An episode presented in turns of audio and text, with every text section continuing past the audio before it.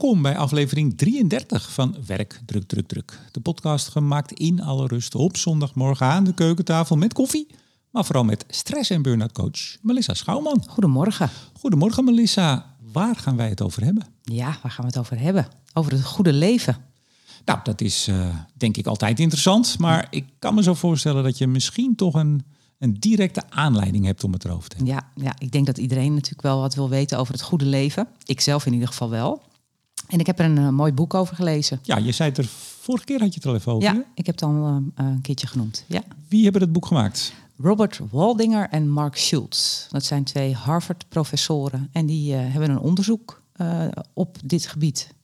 Nou, wat geluk is in levens van mensen. Ja, want het goede leven en geluk, dat is hetzelfde. Ja, ja, ja. dus de, de aspecten die ze onderzoeken gaan over geluk en ook over gezondheid trouwens. Om het nog wat uit te breiden.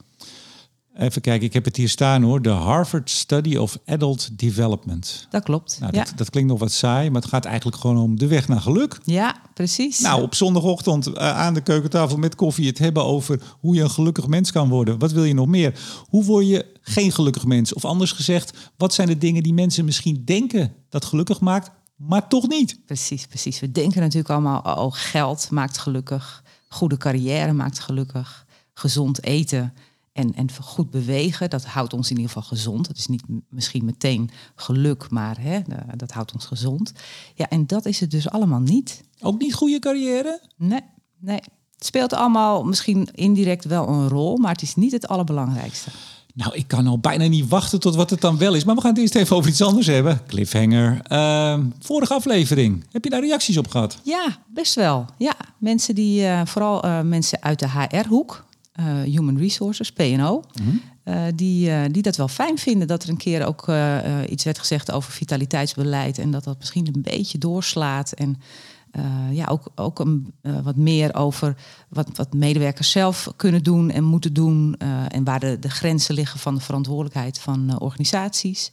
Uh, volgens mij vond men dat wel weer eens uh, verfrissend om, uh, ja, om ook eens even een beetje een andere kant te horen. Ja, ik heb vooral onthouden van die aflevering vorige keer jouw uitspraak. Ja, er moet ook gewoon gewerkt worden. Precies, ja. Zo is het, ja. ja. Serieus, dat wordt dus nog wel eens vergeten. Zo bezig met, ik geloof dat ik dat woord gebruikte, om zitten te trutten. dat, dat we eigenlijk vergeten dat er ook gewoon gewerkt moet worden. En dat dat misschien ook wel helpt om gewoon... Ja, hoe zeg je dat nou? Weet je, heb jij dat ook? Heb jij dat zelf wel eens? Ik heb dat wel eens. Dat je gewoon met iets zit. Ja, ik noem het rondtutten. Je blijft er maar een beetje mee hangen. En een beetje, uh, weet je, dit. Zo'n ja. zo'n beetje, beetje hangerig. Weet hangerig en zeurderig. En als je op een gegeven moment dat je denkt, weet je, ik ga het gewoon doen. Of ik ga het gewoon niet doen. Ik hak de knoop door door. Dat lucht ontzettend op. Ja, ja. Je kan blijven hangen in, in ellende en getrut.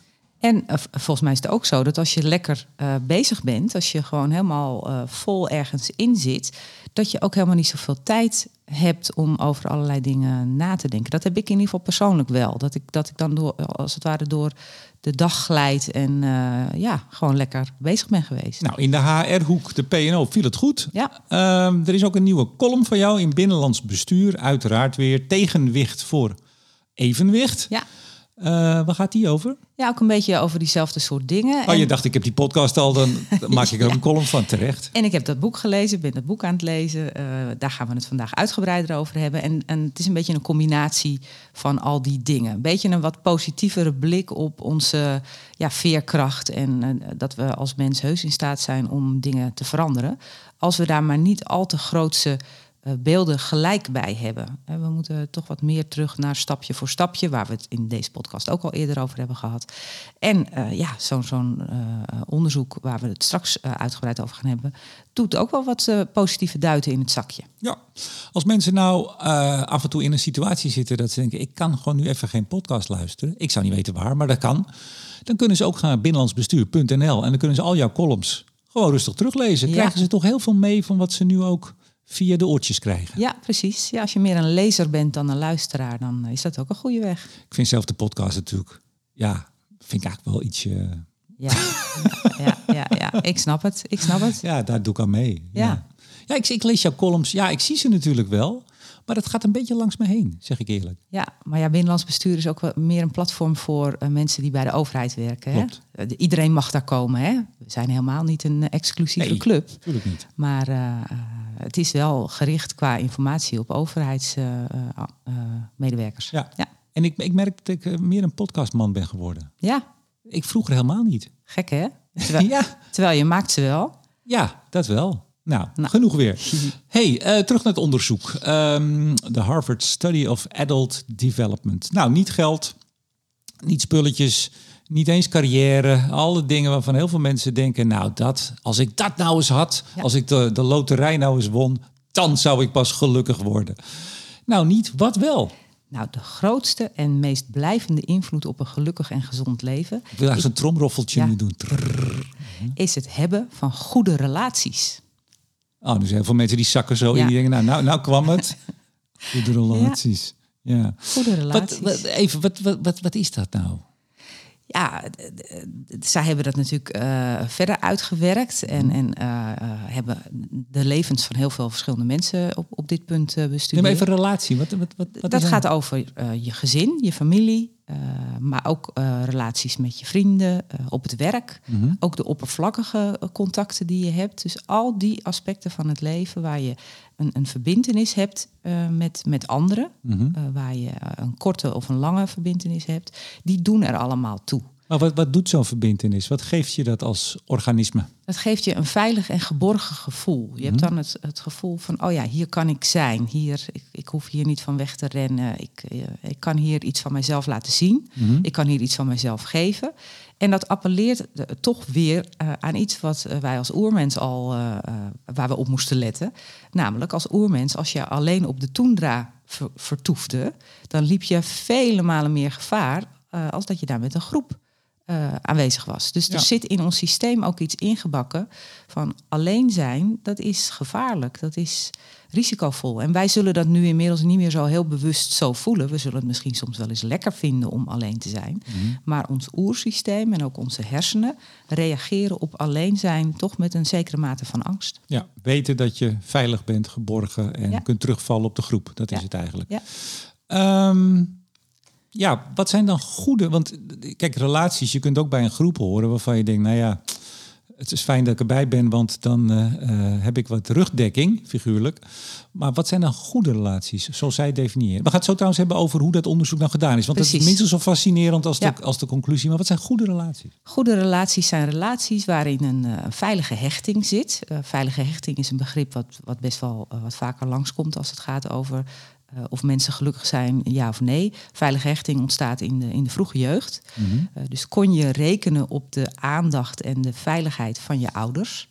Eh, daar kunnen wel dingen in misgaan. Hè, dus, er zijn Nou, sterker nog, dan gaan volgens mij heel veel dingen mis. ja, ja, onveilige hechting of eh, wispelturige hechting. Hè, dus dat het de ene keer wel veilig voelt en de andere keer niet. Mama die de ene keer heel aardig is en de volgende keer eh, geeft je een lel voor je, voor je hoofd. Ja, precies. En, en nou, daar wordt dus een soort basis gelegd. Eh, inmiddels denken best wel veel mensen dat als die basis eenmaal gelegd is, dat je daar ja, eigenlijk altijd last van blijft houden.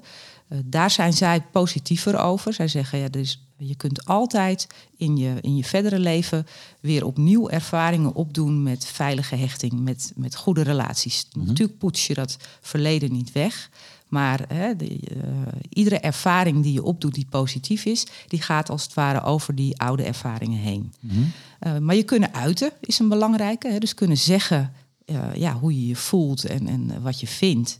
Eh, en, en daar eh, ja, goed contact over kunnen blijven houden. En moet je dan ook gehoord worden? Want dat is natuurlijk tegenwoordig, eh, of dat is wel heel lang iets van, hè, je kunnen uiten, mag je iets zeggen? En het tweede is dan, wordt er ook naar je geluisterd? Of zeggen mensen, nou, fijn dat jij je geuit hebt, Melissa, en wij gaan weer door. We gaan weer verder. Nee, het gaat om ook dat het ontvangen wordt en dat daarop gereageerd wordt.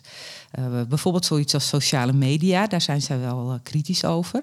Eh, ze zeggen natuurlijk, ja, weet je, dat is gewoon, dat hoort nu bij deze tijd en dat, dat, eh, hoeft niet weg. Maar sociale media doen wel iets op dat gebied van uiten en niet gehoord worden. Eh, het doet ook wel iets op ja, contact maken, maar eigenlijk geen verbinding hebben. Sociale media doen ook iets op concurrentiegevoelens. Hè? Dus die wakkeren heel erg aan de vergelijking eh, met andere mensen en of jij dan positief eruit komt, ja of nee. Maar weet je, mag ik even, ja, je, je, je wil door, dat weet ik, maar ik wil toch even iets vragen. Want ik, ik ben van Twitter afgegaan een tijdje geleden. Eh, daar heb ik heel lang op gezeten. Eh, iets van 13.000 volgers had ik. en ik heb wel eens tegen mensen gezegd daar hoe zij reageerden of, of, iets tegen mij zeiden, althans dat dachten ze. Ik zeg, wat je nu doet is hetzelfde dat je een café binnenloopt, vol café, en je begint gewoon uh, keihard iets te roepen. Ja. Een beetje aan mij gericht, misschien ook aan een ander. Maar in ieder geval, je, je schreeuwt maar gewoon in het wilde weg in het café. Ik zeg, wat, wat, denk je dan dat er gebeurt? Ja. Dan gaat niemand zeggen, god wat leuk, kom, erbij, neem een borrel en uh, wat interessant. Dus hij rot op man. Ga lekker en, en anders zet je het café uit. Dus er zit ook iets heel geks in dat, dat uiten. Ja gehoord willen worden, maar dat soms op zo'n manier doen dat je natuurlijk never nooit niet gehoord gaat worden. Ja. Of je moet allemaal van dat soortzelfde gekkies hebben die ook staan te schreeuwen tegen het café. Ja, gezellig. dat café ga ik niet in, in ieder geval. Nee, nee, maar dus het is ook wel treurig dat je natuurlijk ieder mens wil zich kunnen uiten en gehoord worden en gezien worden voor wie die is. Maar dat wordt vaak op zo'n manier gedaan ja. dat je denkt, ja, schiet op, ga lekker een deur verder. Ja. Nee, dus de, de beste ervaringen die mensen hebben op sociale media zijn ook de ervaringen waarbij je echt een verbinding begint te voelen met best wel redelijk onbekende mensen, maar waarbij je toch een gesprek hebt en iets leert van een ander of een ander inzicht meekrijgt. Uh, en een heel belangrijk onderdeel van uh, wat ze ook beschrijven in, in het boek is empathie. Empathie hebben en empathie ook uh, geven. Mm dus de, de wederkerigheid ook van ja, hoe, je, hoe je de relatie aangaat. Ja, ik had, ik had nog best wel eens empathie met zo'n schreeuwer. Omdat ik dan dacht, nee, omdat ik dan dacht van joh, het, is, het lijkt me ook heel is bijna een beetje aandoenlijk hoe iemand dan uh, zich probeert te uiten. Maar ja, je kan, je kan er ook niet te ver in. Nee. Ik heb trouwens ontzettend leuke, dat heb ik ook gezegd bij mijn afscheid van Twitter. Klinkt een beetje zwaar. Ik heb ontzettend veel leuke, interessante mensen leren kennen via Twitter. Ja. Uh, echt best wel veel mensen die ik nu uh, gewoon ken, zeg maar. Ja. Dus het, het, kan fantastisch werken en voor sommigen misschien nog steeds. Ja. Maar... Ja, dus het is eigenlijk een toevoeging aan ons arsenaal aan mogelijkheden om te verbinden met anderen. Maar er zitten nu nog te veel ongelukkigheden in. Het wordt nog te ongelukkig gebruikt. En, en te veel als een soort, uh, ja, een soort schreeuwplek. Uh, maar ook een plek waar mensen uh, het gevoel hebben dat anderen ontzettend goed bezig zijn. En zij er zelf steeds slecht van afkomen eigenlijk. dat is wat, meer wat van binnen bij mensen gebeurt. En dat heeft, dat heeft echt wel impact op hoe mensen zich voelen. Ik zat nog met vijf man in het café en er stonden dertig man te schreeuwen. Ja, dan is het niet meer gezellig in het café. Dan, die ene, dat kunnen we wel aan. Maar als er dertig staan... hey, even. Ehm, we komen zo vast nog verder even op die verdieping en, en, en wat ze nou zien in die relaties. Maar het is nu wel interessant, vind ik. Hoe is dit onderzoek? Hoe, hoe, ja, hoe onderzoek je dit? Dat is eigenlijk de vraag. Ja, ja, ja. ja, en dat is ook wel het bijzondere. Uh, dus, uh, dat boek hebben ze gemaakt uh, op basis van hun onderzoek. En dat onderzoek is al 84 jaar gaande. Nou, dat is in, in dit soort onderzoeksland heel bijzonder. Zo langjarig. En niet, niet door de twee heren natuurlijk, hè? Nee, nee, nee. Zij hebben het weer overgenomen van hun, uh, van hun voorgangers. Mm maar zo lang en zo'n trouwe groep deelnemers, dat is wel heel bijzonder. Uh, het is ontstaan uh, in de tijd net na de grote depressie in de VS, in de Verenigde Staten.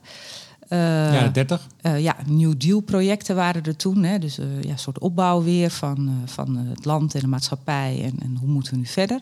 en het, het is begonnen met twee verschillende onderzoeken. Eén onderzoek was gericht op Harvard-studenten. Dat waren er een stuk of 250, zoiets, 260. Die wilden ze uh, gaan volgen, die jongens. waren overigens allemaal jongens. Mm -hmm. uh, en ook een groep jongens, een wat grotere groep, 468 of zo. Uh, jongens in Boston. Uh, van uh, rond de 14 jaar. En dat waren jongens die zich kenmerkten doordat ze een beetje laag in de maatschappelijke orde zaten maar wel uh, goed bezig waren. Dus uh, in ieder geval niet in misdaad, in jeugdcriminaliteit aan het vervallen waren. En ze wilden die groep specifiek gaan volgen van ja, wat, wat is er nu anders aan deze jongens, waardoor ze niet in die gebruikelijke val trappen van criminaliteit en misdaad. Uh -huh. uh, en al snel gingen beide onderzoekers ook de, de families van die jongens erbij betrekken. En toen werd het ineens als, als platform wel heel interessant. Van ja, eigenlijk staan we hier aan het begin van het onderzoeken van levens en ook van, uh, van families. Mm -hmm. En misschien moeten we het wel bij elkaar voegen. Ja. Dus ze zijn die twee onderzoeken bij elkaar gaan voegen en doen al 84 jaar dit onderzoek. eh, en hebben daar allerlei stappen in. Eh, bijvoorbeeld dat ze om de twee jaar de deelnemers, dat zijn er nu eh, zo tussen de 2000 à 2500, want allerlei familieleden zijn ook mee gaan doen. Er vallen natuurlijk ook mensen af Er vallen ook mensen af. die niet meer meedoen of overlijden. Ja, overlijden. eh, zeker omdat het al 84 jaar loopt. Dus die eerste, die eerste mannen die meededen, die eerste jongens, die zijn, eh, ja, die zijn nu op bejaarde leeftijd. En sommigen zijn overleden Nou, inderdaad. waarschijnlijk allemaal dood. maar het valt nog mee. Anders moeten ze dik in de negentig zijn, toch? Eh, ja, dat is waar. Dat is waar. Er zullen er een paar Ik ben bij niet zo'n rekenwonder. Ik ben niet. zo'n rekenwonder. Maar ehm, eh, dus eh, wat ze doen is, om de twee jaar sturen ze eh, al die deelnemers een enorme uitgebreide vragenlijst. Echt duizenden vragen over alle aspecten van hun leven. Dus dat gaat over de familie, over hoe ze zichzelf voelen, hoe het op hun werk gaat. alles. Alles wordt onder de loep genomen. En Toch niet duizenden vragen per keer. Ja, wel. Ja. Echt waar? Ja, nou, in ieder geval heel erg veel. Heel erg veel. Ik, ik heb trouwens zelf, ja, een kleine, kleine zijstap als dat mag. Ja, tuurlijk. Ik heb Ja. zelf jarenlang meegedaan in Nederland aan het Morgenproject. Aha. En misschien zit er wel eh, eh, een luisteraar tussen die dat kent of weet of daarbij betrokken was. Eh, want ik, heb een, ik kan er niet zoveel meer van achterhalen. Maar daar heb ik jarenlang, nou in ieder geval 15 jaar volgens mij, schat ik, weet ik niet, 20 Ja. jaar aan meegedaan. En dan kreeg ik ook heel veel vragenlijsten. Geen duizend hoor. Dus ik zat meteen te rekenen. Ik denk, nou, dat waren er toen al heel veel. En daar deed ik best lang over. Maar ook bloedonderzoek, medische, medische onderzoeken. En dat ging eigenlijk ook over ja, de, de gezondheidsontwikkeling van de mens. Ik denk dat dat e- echt wel een beetje linkt aan, eh, aan dit onderzoek. Want ook hier, eh, dus die vragenlijsten enorm uitgebreid. Maar ook iedere vijf jaar een screening van eh, de gezondheidsdossiers. Maar ook specifiek dat er wat tests werden afgenomen. En ook worden afgenomen nog steeds bij die deelnemers. Dus bijvoorbeeld hersenscans. dat zullen ze niet iedere, iedere vijf jaar doen, maar dat doen ze wel eens. Eh, maar ook eh, onderzoek van het haar. Want in haar kun je traceren of mensen last hebben van stress. En drugs gebruiken. Bijvoorbeeld, ja. Eh, hartslagmeting. Ook bij bepaald soort vragen. dat ze kijken hoe de hartslag omhoog gaat en hoe snel die weer teruggaat. Dat, dat zegt iets over ja, het herstelvermogen. Maar ook de, de dossiers van de huisartsen werden gelicht en worden gelicht. Eh, Dus ook die relatie wordt gelegd. En ze proberen de mensen, en dat, dat lukt nog redelijk goed, omdat het natuurlijk ook niet zo'n. Het is wel een grote groep, maar niet een supergrote groep. Eh, maar ze proberen ze ook wel eh, zo'n beetje om de 15 jaar echt uitgebreid zelf persoonlijk te spreken en te observeren. En, en dan kunnen ze ook nog meer van dat onderzoek doen. Ja, ontzettend interessant. Hebben we een onderzoeksopzet gehad? Ja, ik denk het wel zo'n beetje. Maar even, dan, dan, je hebt het boek gelezen. En volgens mij, je bent er heel enthousiast over. Ik heb je er al een paar keer, dat zei ik verleden keer ook. Je, Ja. je- als ik je dan tegenkom, dan zeg je, oh, ik heb zo'n goed boek bezig. Ja. Wat, wat, wat maakt het dan zo goed voor je? Want kijk, we hebben nou, nou relaties, dat is heel belangrijk. Ja. Sterker nog, dat is eigenlijk het, het, onderscheidende. Allerbelangrijkste. Belang- je hebt straks vast nog wel wat eh, subconclusies. Ja. Maar even de, de belangrijkste. Nou, de onderzoeksopzet, prachtig. Dat van, waar ik aan mede was, wat kleiner van opzet. Maar ik trouwens, ik vond het ook heel interessant om mee te doen. Je voelt je dan toch een beetje dat je iets bijdraagt aan. Want dit is anders niet te doen. Je moet mensen hebben die dat jarenlang blijven doen. Ja, ja en eh, eh, daar, daar eh, schrijven ze ook wel iets over in het boek. De reden dat mensen mee willen blijven doen, is dat ze het zelf ook gaan zien als een reflectiemoment op hun eigen leven. Ook, ja. Dus eh, heel veel mensen pakken het ook voor zichzelf heel positief op. Eh, anders hou je het natuurlijk ook niet vol. En er zullen ook een aantal mensen, want ik geloof dat eh, het deelnamepercentage steeds ruim boven de 80% zit. Dus dat is echt wel hoog voor dit soort langdurig onderzoek. Maar er vallen mensen af die op een gegeven moment helemaal geen zin meer hebben in die zelfreflectie. Misschien omdat het ook wat minder goed met ze gaat. ja. Ehm, maar eh, de, de meeste deelnemers die het gewoon helemaal hebben volgehouden en ook hun familie vol enthousiasme erin mee hebben getrokken, die zien het echt als een reflectie. ja. Hey, eh, zal ik even een lamp aandoen? Want het is ontzettend donker geworden hier. Het is aan best de donker, ontbijt. ja. Heb, jij, heb je licht nodig om Ja. ook op je aantekening Ja. te kijken? Wacht een moment. Even kijken hoe dat... Kijk. Kijk, en er was licht. En er was licht. Kijk eens aan. hey, maar even. Je leest het boek. Je bent er heel enthousiast over. Ja, ik weet niet hoe ik dat kan vragen. Kun je voorbeelden geven? Heb je anekdotes uit het boek waarvan je zegt... kijk, daar zie je nou hoe dat geluk uh, eigenlijk uh, ja, ontstaat of niet Ja. ontstaat. Nou, er zijn eigenlijk twee eh, verschillende dingen die intrigerend zijn in het boek. Wat je zou kunnen zeggen, de conclusie wordt al heel snel gegeven. Hè? Nou, jeetje, eh, we hadden net een cliffhanger in, eh, aan het begin van de uitzending. Nou, dat doen die onderzoekers, die doen dat helemaal niet. Relaties, klaar. Die geven dat meteen weg. Dus dat je dan aan het begin denkt, oh, eh, waar gaat het dan nu verder over? Nou, er zijn twee dingen. Wat, je, eh, wat wordt beschreven zijn de levens van sommige mensen, fragmenten. Dus niet die hele levens worden beschreven, maar er worden een paar mensen bij naam genoemd. En ook eh, krijg je een beetje een beeld van eh, de familie die daar verder omheen zit en hoe het verder met ze gaat. En, en in die verhalen lees je heel erg terug dat die relaties zo belangrijk zijn. Eh, want bijvoorbeeld, een van die eh, mannen is eh, iemand die volgens mij voor het docentschap heeft gekozen. Eigenlijk wilde die kunstenaar worden, werd docent. Nou, dan kun je al in je hoofd iets, iets hebben van... oh, dat zal misschien niet zo'n gelukkige carrière move zijn geweest... want hij wil eigenlijk iets anders. Maar dat is een man die is ontzettend eh, zich gaan verdiepen in, in andere mensen. Dat maakte ook wel dat dat docentschap eigenlijk heel erg goed bij hem paste. Misschien wel beter bij hem paste dan dat kunstenaarschap. En die is ook met zijn eigen gezin zo aan de slag gegaan. Dus dat is iemand die zich kenmerkt doordat hij heel veel heeft geïnvesteerd in de, in de familiebanden, in dat werk. daar eigenlijk altijd heel erg goed mee bezig is geweest. Ook de nodige tegenslagen gehad in het leven. Maar dat is een van de mensen die als eh, gelukkigst uit dat onderzoek komt. Terwijl er ook iemand eh, bij zit die echt heeft gekozen voor een heel sterk carrièrepad. Dat was een van die eh, Harvard-studenten. Echt heeft gekozen voor, nou, Harvard gedaan. ik, ik, ik ga voor het hoogste. veel geld verdienen. eh, hè, door, door, door. Heel hard gewerkt. Die niet zo eh, met relaties bezig is geweest. Die daar ook ja, ongelukkige keuzes in heeft gemaakt. Of, of daar niet zo heel veel in geïnvesteerd heeft. Dus eh, verschillende huwelijken achter de rug. Geen goede band met zijn kinderen. Eh, ja, waar, waar het heel anders mee is verlopen. Dus dat, dat, dat antropologische kom je heel erg tegen in het boek. Maar ook eh, eh, onderbouwingen vanuit de wetenschap. Niet alleen vanuit hun eigen onderzoek. Want eh het onderzoek heeft beperkingen. Hè? Het, het, het, is vooral, het zijn vooral deelnemers uit de Verenigde Staten. Het is begonnen met die opzet met die jongens. Dus Ja. er zitten relatief veel mannen in.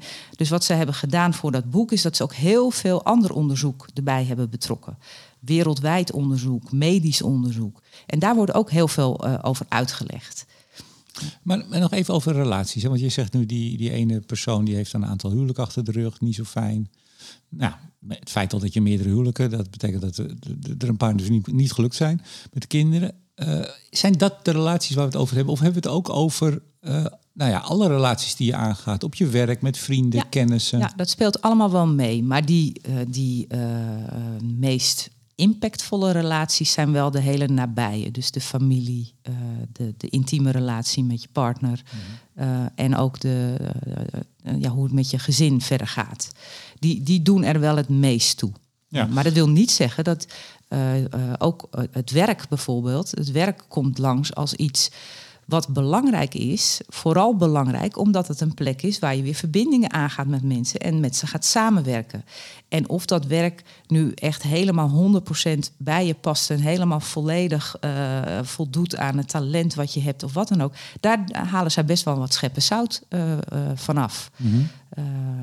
Zo van, ja, werk is eigenlijk vooral bevredigend, omdat die verbindingen met andere mensen daar zo positief kunnen zijn. En als dat niet zo is, dan is werk ook al snel heel erg vervelend. Ja, ja. Hey, een van de subconclusies is, eh, als ik het goed begrepen heb, ehm, het, het, het, nou laat ik zo zeggen, het, het cliché is een beetje dat je denkt, nou ja, iemand die gelukkig is, heeft ook een heel gelukkig leven gehad met alleen maar het goede. Of dat het bijna. allemaal makkelijk is Precies, gegaan. makkelijk. Hè? Dat is dus niet zo. Nee, nee.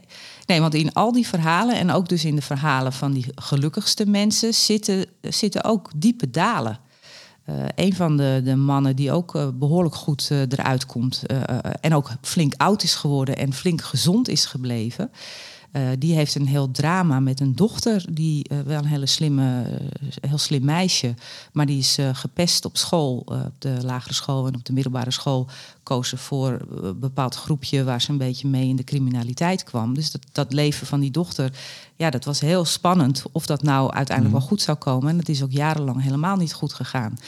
Maar omdat hij uh, ja, met veel empathie en veel uh, investeren in die, in die familiebanden en ook in de band met haar, uh, ja, zo goed heeft geopereerd, ja, is hij er heel goed van afgekomen. Dus aan het eind van zijn eigen leven en ook in de relatie met zijn vrouw hadden zij alleen maar hele positieve dingen te, te vertellen. En ook die kinderen zijn dus heel positief over die ouders ja. en hebben dat ook weer meegekregen. Maar ja, zij was dus wel even van de rit af. Ja, die, met die dochter is het heel wankel uh, gegaan. En, uh, en, dus, en, maar die is wel mee blijven doen ook aan het onderzoek. Mm.